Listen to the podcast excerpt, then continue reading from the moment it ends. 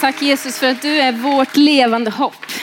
Att du inte är en död legend utan att vi kan få sätta vårt hopp till en levande Gud som vi kan få lära känna, älska och bli älskade av.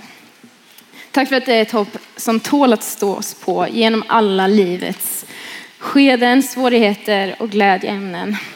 Vi ber att du ska öppna våra hjärtan idag för vad du har att säga till oss och genom oss. Ära till ditt namn Jesus. Dig tillhör äran. I Jesu namn. Amen. Gott. Hej och god morgon. I vanliga fall brukar jag gå upp den här tiden. Det gjorde jag inte idag. Vad roligt att få vara här. Tack för förtroendet och förmånen att få komma hit och prata inför er idag. Få predika Guds ord. Ehm, jag heter Caroline Bergman och eh, jag kommer från Tibro som ni hörde. Eh, born and raised där och eh, väldigt glad över att få bo där tillsammans med min man David. Och jag har fått ett tema idag som jag ska predika utifrån. Det är att följa Jesus troget och långsiktigt. Och det är ett tema som ligger mig varmt om hjärtat. Så jag blev glad när jag fick höra det. Och jag tror att ni har fått riktigt bra undervisning här i helgen om du har varit här och några av er har inte det. Men vi ska läsa Guds ord tänkte jag och vi kan stå upp tillsammans när vi gör det. Vi får stå upp för Guds ord. Det är en bra symbolik i det tycker jag. Vi ska läsa från Hebreerbrevet 10 och 19 och framåt. Det är en ganska Ja, men det, är en, det är en ganska lång text och där kommer jag hålla mig hela predikan. Så du kan liksom hålla ditt finger där och ha bibelstället berett. Eh, för det är den, den texten som jag kommer referera till idag. Hebreerbrevet 10, vers 19. Tack vare Jesu blod kan vi nu, syskon, frimodigt gå in i helgedomen på den nya levande väg som öppnats för oss genom förhänget hans kropp. Så när vi nu har en stor överstepräst över Guds folk, låt oss, gå, låt oss då gå fram med uppriktigt hjärta i trons fulla övertygelse med hjärtat renat från ett ont samvete och kroppen tvättad i rent vatten. Låt oss stadigt hålla fast vid hoppet vi bekänner oss till, för att han som gett oss löftena, han är trofast. Låt oss också ge akt på varandra och uppmuntra varandra till kärlek och goda gärningar. Låt oss inte överge våra samlingar så som vissa brukar göra, utan låt oss istället uppmuntra varandra, särskilt som ni ser att dagen närmar sig. Sen följer en varning om att lämna tron på Jesus och börja förtrycka honom istället. Och vi fortsätter i vers 33. Ni blev hånade, misshandlade och förlöjligade inför människor och ni ställde också solidariskt upp för andra som blev utsatta för samma sak. Ni led med dem som kastades i fängelse. När man tog era ägodelar var ni ändå glada. Eftersom ni visste att ni ägde något bättre, något som består. Fortsätt att vara lika frimodiga. Det är en stor belöning. Det krävs uthållighet av er för att ni ska kunna göra Guds vilja och få vad han har lovat. Om en kort tid kommer han som ska komma. Han ska inte dröja. Men min rättfärdige ska leva genom tro. Om man däremot drar sig undan är han till ingen glädje för mig mer. Men vi tillhör inte de som drar sig undan och går förlorade. Nej, vi tillhör dem som tror och räddar sitt liv. Tron en övertygelse om det vi hoppas, en visshet om det som ännu inte kan ses. Amen. Ni kan sätta er ner. Och här skulle jag kunna sluta predika, för det är så bra. Men jag ska inte göra det. Eh, jag tycker den här texten börjar så bra i Jesu nåd och hans frälsning som vi kan få stå på. Och all efterföljelse av Jesus är ett svar på hans kärlek till oss. Eh, ingenting kan få honom att älska oss mer eller mindre genom att vi tjänar honom bättre eller sämre. Men han kallar oss att följa honom.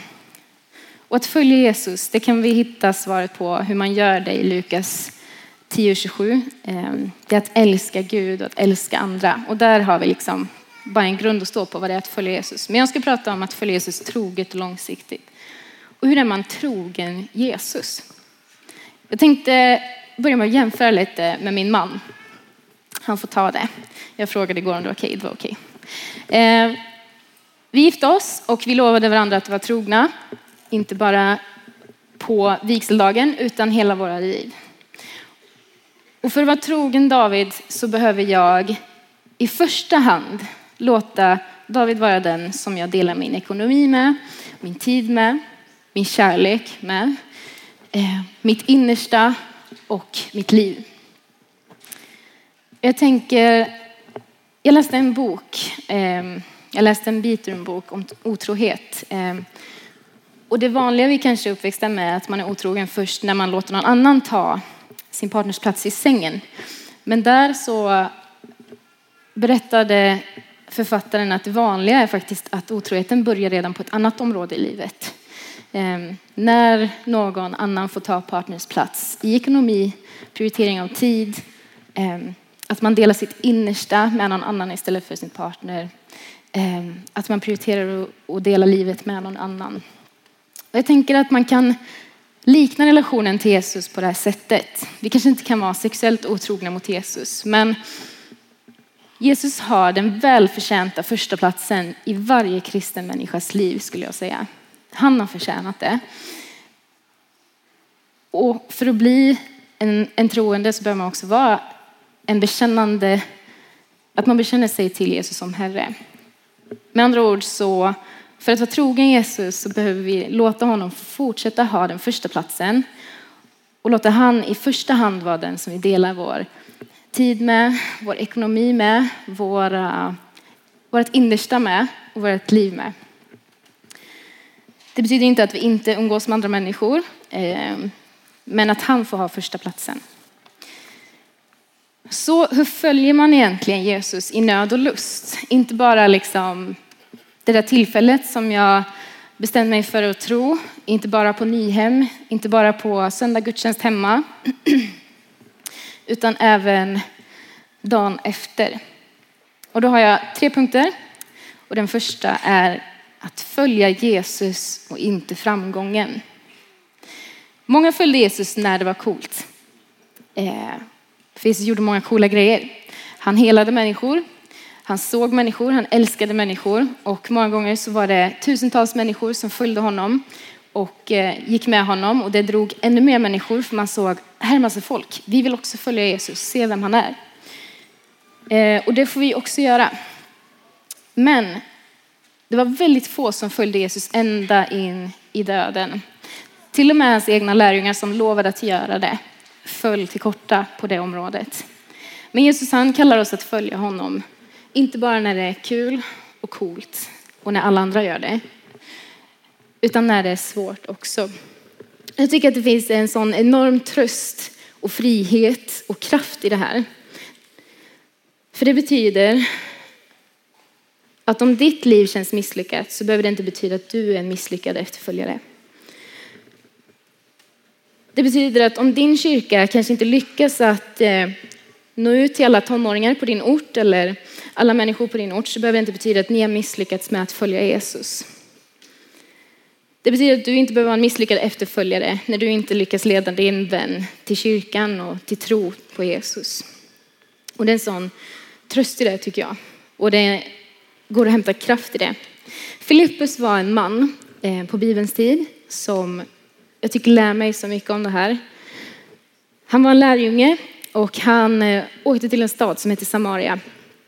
Och det var en stad där det inte var så många som trodde och han predikade där. Och det blev rena rama väckelsen. Folk blev helade och eh, de började tro och följa Jesus.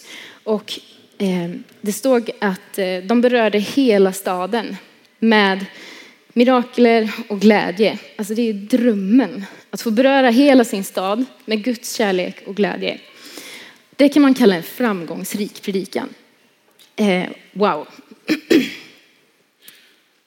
Och då kan man ju som i Filippis fall då fundera på, ja vad är nästa grej jag ska göra? Det gick ju bra det här. Liksom. Eh, jag borde ju vara på rätt väg här nu och det tror jag verkligen han var. Han följde verkligen Jesus där. Men kort därefter så får han ett uppdrag av Herren. Och uppdraget är att gå på en öde väg i öknen under den värsta middagshettan. Okej, okay. och han fick inte heller veta varför han skulle gå där. Han fick inte veta när du kommer fram så kommer du få predika för tusen personer till och det kommer bli en väckelse igen. När han fick veta att han skulle gå på en öde väg i öknen. Eh, och då kan man känna, okej, okay, hade det inte varit mer strategiskt att låta honom predika på Nyhem istället? Han var ju så duktig, liksom. Eh, det hade ju varit att följa Jesus. Men nej, han skulle göra det här. Men han är trogen och han, eh, han väljer att gå direkt och han går på den här vägen. Och jag tänker ibland i våra liv så kan vi känna att det är en öken. Vi kanske bär på en tro, vi går i skolan och känner oss som, eh, ja, vi känner oss lite annorlunda kanske. Eh, man har andra värderingar kanske än sina kompisar.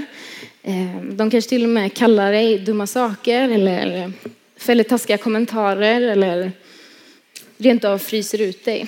På, på jobbet kan det också vara likadant. Eller kanske i din familj. Du kanske inte har någon i din familj som är troende. Och det känns bara så svårt att följa Jesus.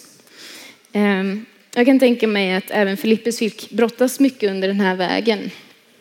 Jag som predikade så bra, varför, varför är jag här nu? Följer jag Jesus nu? Ehm, men så kommer han till slut fram till en, en hovman som brottas med han är nyfiken på Gud och han har fått tag på texter om Gud men han kan liksom inte riktigt förstå vad det handlar om. Så Filippus får vara med och förklara för honom och leda den här mannen till tro och till dop där och då. Och det är också en wow-faktor tycker jag. Att få sitta ner med en enskild människa ansikte mot ansikte och få leda den människan till tro. Det är något av det bästa du kan vara med om. Ehm, och jag tänker att Filippus följde Jesus lika mycket båda gånger. Både när han gick på vägen, när det inte såg framgångsrikt ut, när han inte visste vad resultatet skulle bli, men också när han var i Samaria. Punkt två är att zooma ut och inte zona ut. Har ni zonat ut från en konversation någon gång? Jag med. Jag gjorde det senast några dagar sedan. Jag och en kompis stod så här och två andra så här och vi bara märkte att vi har slutat prata och har inte gjort det på ett tag och tänker på vad vi ska äta imorgon. Och vi låg lite mot varandra, tyckte det var roligt. Ehm, är det någon som har märkt att någon annan har zonat ut när ni har pratat? Japp. Lite jobbigare. Och det är okej, tänker jag, att zona ut ibland. För ibland så behöver vi bara få sortera tankar och eh, fundera på vad som är viktigt. Ehm, ibland så zonar man ut från predikan på gudstjänsten. För man är trött, man har varit på nattmöte på Nyhem och det är helt okej. Men jag tycker att det finns en skillnad på att zona ut och zooma ut. För när man zonar ut, då blir liksom skärpan lite suddig. Fokus finns inte kvar längre. Och vi läste här i bibeltexten två uppmaningar. Eh, sammanhanget är att troligtvis så är det Paulus som skriver till hebreerna som har fått leva igenom ganska jobbiga saker för deras tro. Eh, och de reagerar på lite olika sätt på det här. Och det verkar som att en reaktion är att lämna den troende gemenskapen. Man zonar ut. Man drar sig undan från den troende gemenskapen, kanske från församlingen eller från sina kristna kompisar. Och Paulus vill uppmuntra till att inte lämna, inte zona ut, utan faktiskt stanna kvar. Överge inte samlingarna som de andra gör. Följ inte bara strömmen, utan var den som är en motström. Våga säga, men jag ska gå till gudstjänst på söndag. Jag är skittrött, men jag går ändå, för jag vet att det är bra. Ehm, så visst, min kompis kanske inte gör det, men häng med mig istället. Och så kan du få vara den motpolen och den motströmmen som, som eh, leder och som håller fast vid uppmuntran och uppmaningen. Vi ser också en annan, eh, en annan reaktion på när man möter svårigheter, när hebreerna mötte svårigheter. Och det var också att zona ut från tron. Att tron började bli suddig, eh, ofokuserad och till slut så blir den inte heller relevant då när den inte får vara tydlig och inte säga någonting som, som får betyda någonting för våra liv. Och även där så säger han att eh, den rättfärdige ska leva av tro. Men drar han sig undan så är han inte till glädje mer. Men så är det ju så att det är svårt att tro ibland och det är svårt att vara med andra ibland. Det är svårt att gå till kyrkan ibland för man orkar kanske inte engagera sig eller jobba eller vara volontär i kyrkan. Man orkar inte visa upp en, en fasad om att jag tror starkt. Ehm, men jag tänker att det är inte det som vi måste göra. Utan du kan få vara en uppmuntran till någon annan genom att bara finnas med. Gud kallar dig till mer, men ibland så får vi också bara finnas med. vi har, eh, jag fick vara med om en grej för några veckor sedan på, efter vår festgudstjänst vi hade. Vi hade en liten sommarfest i parken med vad heter det, hoppborgar och grillkorv, ansiktsmålning och sånt. Och jag fick träffa en man där med hans två döttrar. De hade varit och lekt i en lekpark precis intill. Och han var inte från Tibro. Ehm, men så hade de sett att det verkar vara något kul på gång. Så de var nyfikna och, och ville komma och liksom vara med. Men det är lite svårt för att han kände ju ingen där. Men till slut så såg han ett ansikte, en person som han kände igen. Och det gjorde att han vågade gå fram och bli en del av vår gemenskap. Jag tänker på, det är liksom, du kan få vara med och göra skillnad bara genom att finnas med. Jag tror inte att den personen hade tänkt på det den dagen, att den här dagen kommer en ny människa komma hit bara för att jag valde att gå till kyrkan idag. Men det kan faktiskt få vara så enkelt ibland. Eh, så stanna kvar, zona inte ut. Däremot så kan vi behöva zooma ut ibland. Vi behöver få perspektiv på livet. För att, att följa Jesus långsiktigt, det hör man nästan på ordet, att du behöver sikta långt. Och det sker ganska naturligt att vi liksom zoomar in på vårt liv. Ehm, det behöver vi inte försöka så mycket utan omständigheter och saker får oss att zooma in och bara liksom, nu måste jag överleva själv, jag måste bara tänka på mig själv.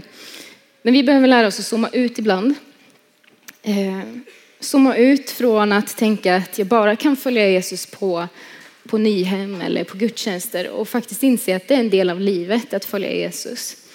Bibeln är jättetydlig med att efterföljelse det handlar om att leva ett liv för Jesus.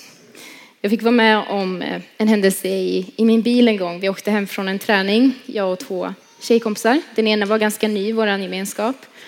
Ehm, vi hade förstått att hon kom från, att hon var troende, men inte alls på vilket sätt eller ja, vi förstått att hon inte var så van vid att man ber för varandra och ber högt och sådär.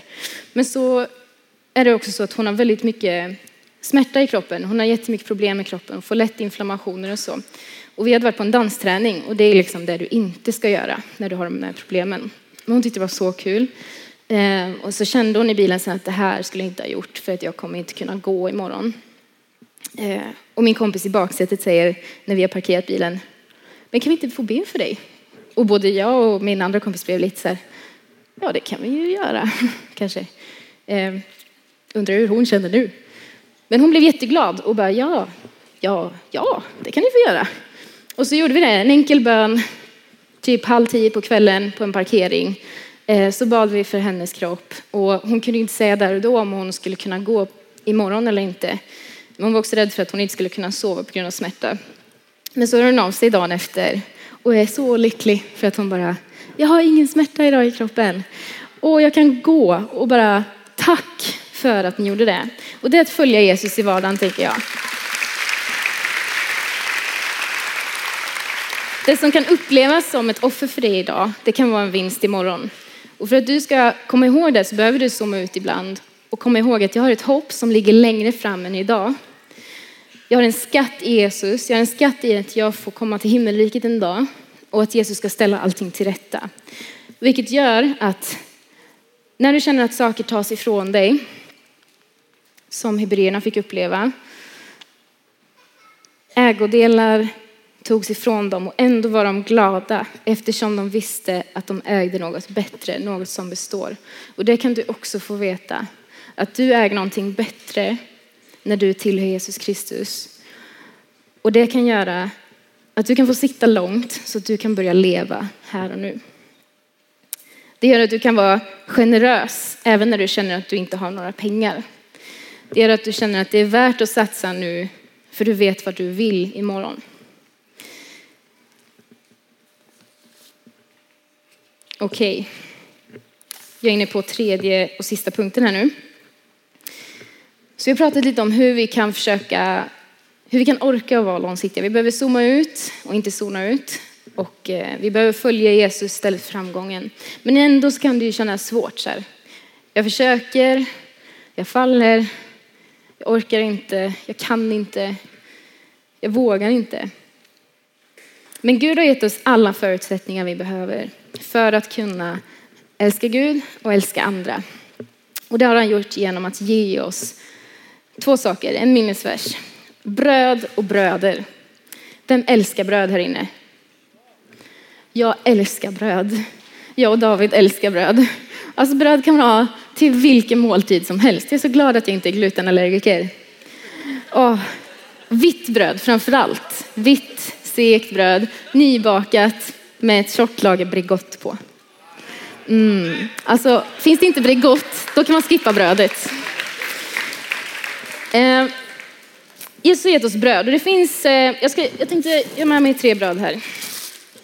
Eh, jag tänkte gå igenom tre olika bröd som, som Gud har gett oss som förutsättningar för att följa långsiktigt. Och det första är Jesus själv. Jesus säger själv att jag är livets bröd. Det du behöver är mig. Och vi har både sjungit om och läst om i Bibeln att Jesus han är den som är trofast och nådefull även när vi inte är det. Och vi kan med frimodigt och uppriktigt hjärta, som vi läste, få komma inför Guds närvaro. Oavsett hur många fel vi gör. Jag ber att det ska få vara en verklighet för dig. Att du ska få komma inför Jesus med ärligt hjärta, med frimodigt hjärta, utan skam eh, inför Jesus och få äta av livets bröd. Är det någon som är sugen på bröd? Varsågod. Det, det kan vara lite torrt för det har legat framme några dagar. Men eh, okej, okay. nummer två då. Bröd som vi har fått. Oj. Guds ord säger Jesus själv att, eh, för lärjungarna undrar efter ett tag när han har varit igång mycket och predikat så här att Jesus är du inte hungrig, ska du inte ha mat? Och då så säger han en sån här kryptisk grej som man brukar säga att eh, min mat, det är att göra Guds vilja. Eh, och när djävulen frestar Jesus då säger han att det är Guds ord som jag lever utav.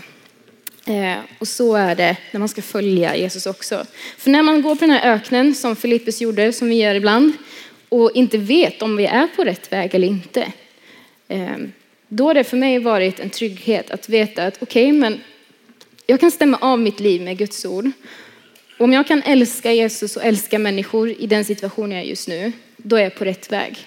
För det är vad Guds ord säger om mig. Ehm, så, Guds ord, andra brödet. Någon mer som vill ha ett eventuellt torrt bröd? Eh, Okej, okay, sista brödet.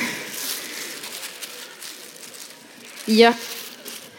Jesus är livets bröd, men han är inte här just nu. Han är här i anden, men inte med kroppen. För han säger att istället så ska jag skicka helig ande som ska vara Guds närvaro på den här jorden. Och helig ande, han är världens bästa coach. Och jag önskar att du skulle få lära känna honom mer och mer. Och jag hinner inte prata om det så mycket idag. Men bara sök helig ande. För han har allt du behöver. Han har all kraft du behöver. Inte för att du ska gå runt och känna dig stark. Utan att du ska kunna få allt du behöver för att kunna göra allt det som Gud kallar dig in i. Eh, sista brödet. Vi kan ta här borta kanske. Ja. Okej, okay, det var bröd. Älska bröd. Eh, bröder. Jag har redan pratat en del om kristna gemenskapen. Bröder är andra troende. Kan alla säga bror här? Ja, ni hör kanske att jag inte brukar säga det. Eh, när jag jobbade på högstadiet så fick jag lära känna många bror. Det var nice. Eh, men jag lämnade det till dem. Eh, men det är så att vi har kanske inte knutit blodsband, alla vi här inne, rent fysiskt. Men när vi läser vår bibel kan vi se att vi har knutit blodsband genom Gud, Gud själv.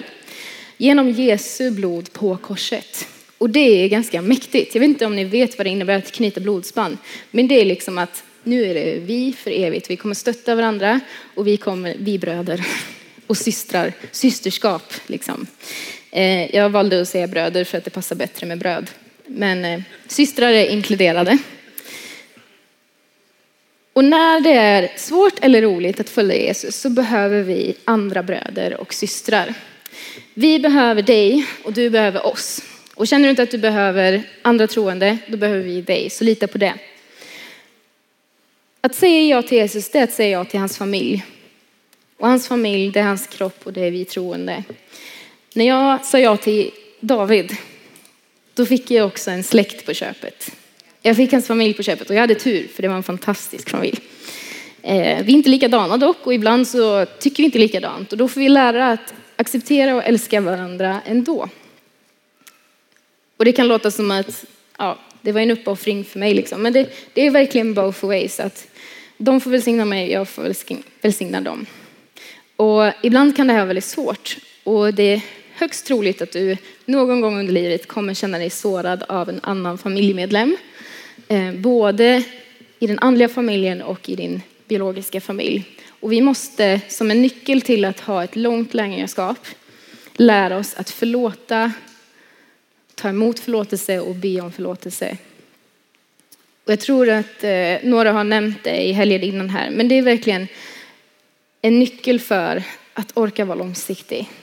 För kan vi inte förlåta, be om förlåtelse eller ta emot förlåtelse så kommer ett gift växa inom oss och bitterhet och det kommer inte, ja det är stor risk att man inte orkar.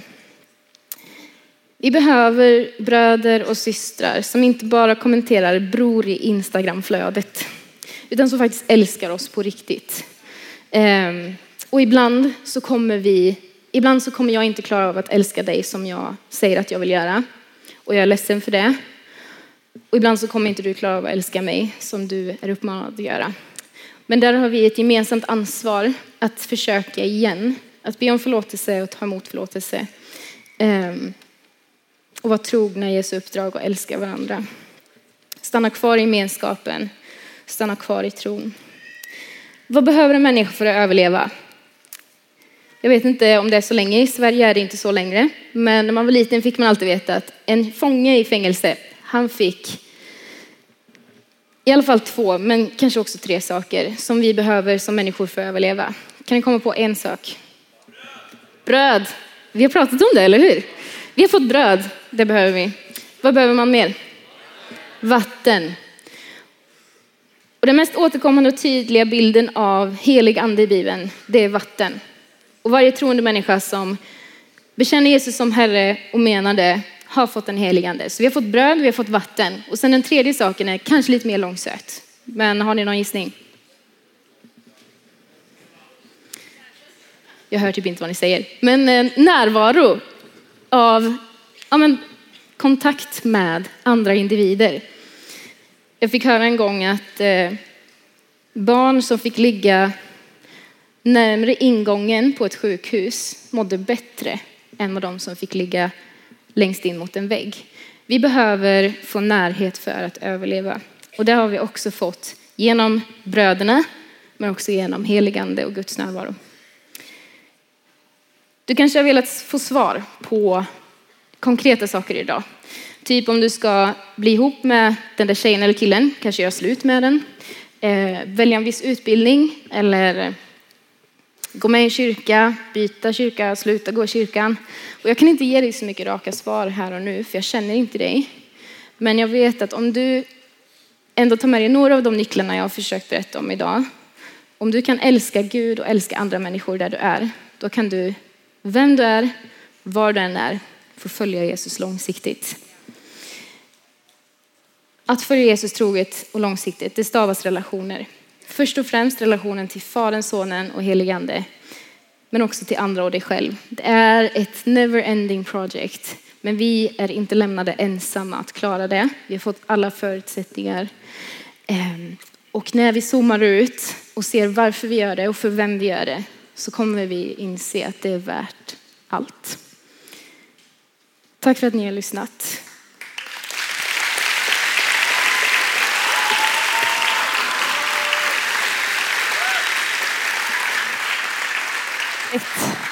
Ja, tack så mycket Caroline. Precis som igår så kommer vi alldeles snart att ha lite bikupor och lite fortsatta samtal här med Caroline. Det kommer komma upp lite fåtöljer. Så passa på att sträck på er och kanske liksom resa sig upp, ta ett litet eh, ärevarv och så typ sätta sig igen. Härligt att det surrar. Vi ska fortsätta surra snart tillsammans och snacka mera. Eh, Caroline, tack så jättemycket för din undervisning. Tack. Eh, jag bara tänker så här att du pratar om att, att följa efterföljelse och eh, tänker på hur din resa varit att följa Jesus uthållig. Ja. Vill du specificera din fråga? Ja, Men hur, eh, hur får man Hur till att, det? hur har du i din resa liksom, har det bara varit enkelt? Att, Just det. Mm. Eh, både ja och nej. För jag har väl, jag har haft en tro väldigt länge och eh, känt mig mer eller mindre trygg i den. Men eh, jag har också haft en församling som jag har älskat fast den inte alltid har varit perfekt. Men eh, jag har alltid sett, alltid ska jag inte säga, men jag har ofta sett en anledning till att vara en del av församlingen. Eh, och ibland har den sett olika ut. Och man har fått hitta olika anledningar till att engagera sig och vara med allt eftersom man växer upp.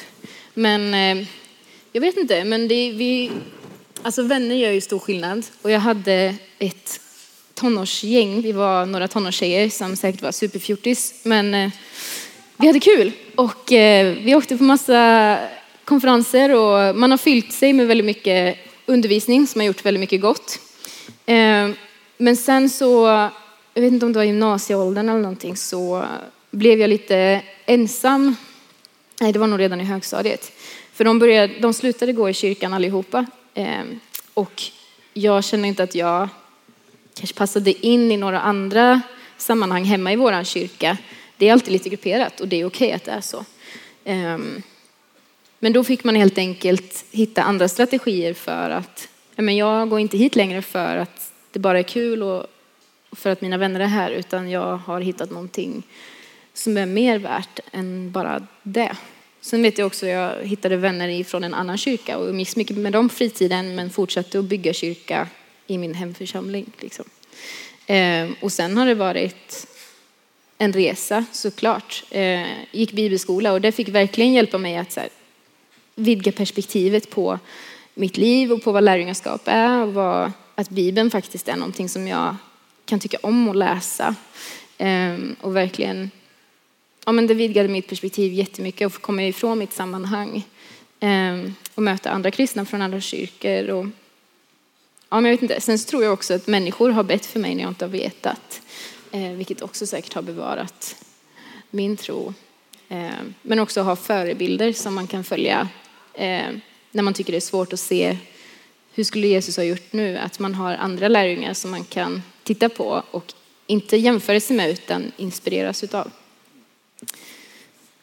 Tror jag. Jättebra, wow vilka eh, bra tips. Och nu vill vi också liksom ställa frågan till er, att ni får eh, prata med en eller två grannar, typ som ni har i två minuter. Att, ja, men hur, hur har resan sett ut för dig? Vad är viktigt för att du ska kunna följa långsiktigt och troget, precis som vi har pratat om?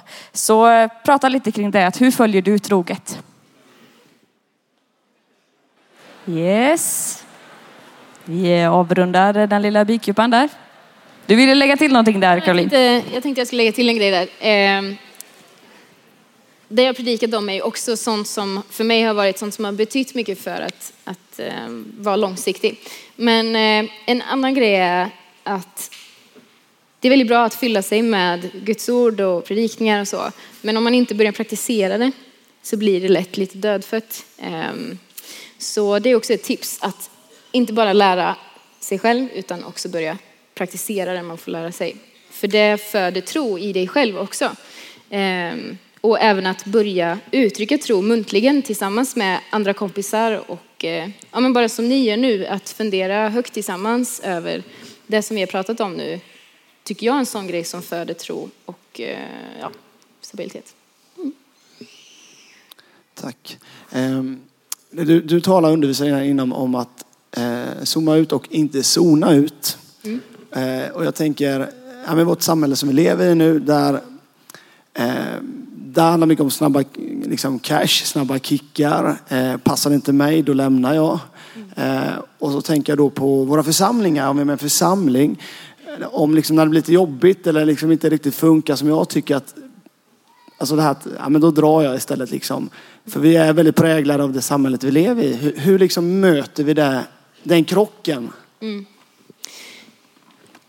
Ja, men eh, delvis är det ju att inse att du har någonting att ge till din församling om du är missnöjd med någonting. Ehm, våga tro att Gud också lägger någonting på ditt hjärta ehm, i förändringsväg eh, om du känner att det behövs en förändring.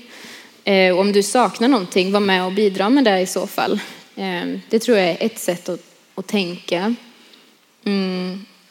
Och sen också det med Filippus att, att stämma av med vad, vad är efterföljelse och kan jag göra det här även om det inte är på topp just nu.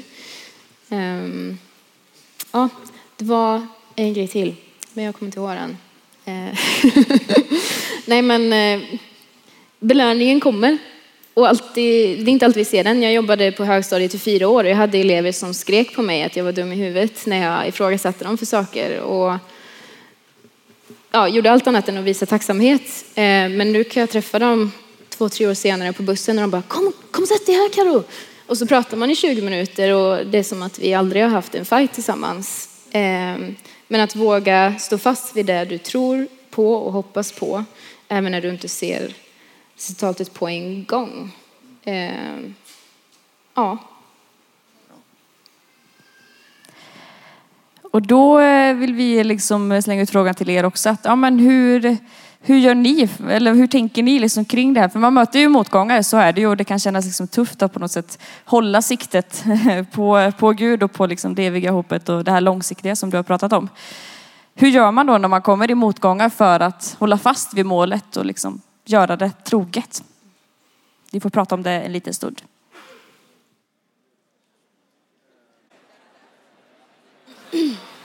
Då eh, kör vi på med fråga till här till Caroline. Jag tänkte jag skulle lägga till En lite grej. tillägg, ja, men kör hårt. Ja, man kommer ju på allting efteråt såklart.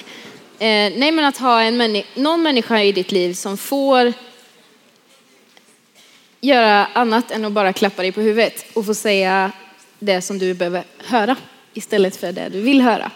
Ha någon som säger till dig att Karo, nu är det du som ska vara ledare mer än någonsin för att det är nu ledarskap behövs för det är nu det är jobbigt eh, och så vidare.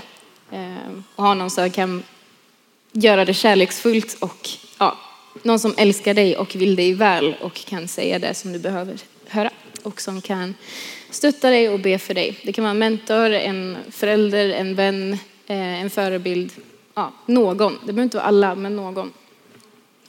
Bra insikt, det tror jag är superviktigt. Alltså verkligen också att man har den kommunikationen då med den personen och bara säger till den att hörru, säg åt mig liksom, när, jag, Ja, när jag tänker fel eller liksom, sådär. Eh, Så det är superviktigt, absolut. Jag tänker på en grej också, lite som Albin var inne på, det här med ja, men den, den tiden vi lever i just nu.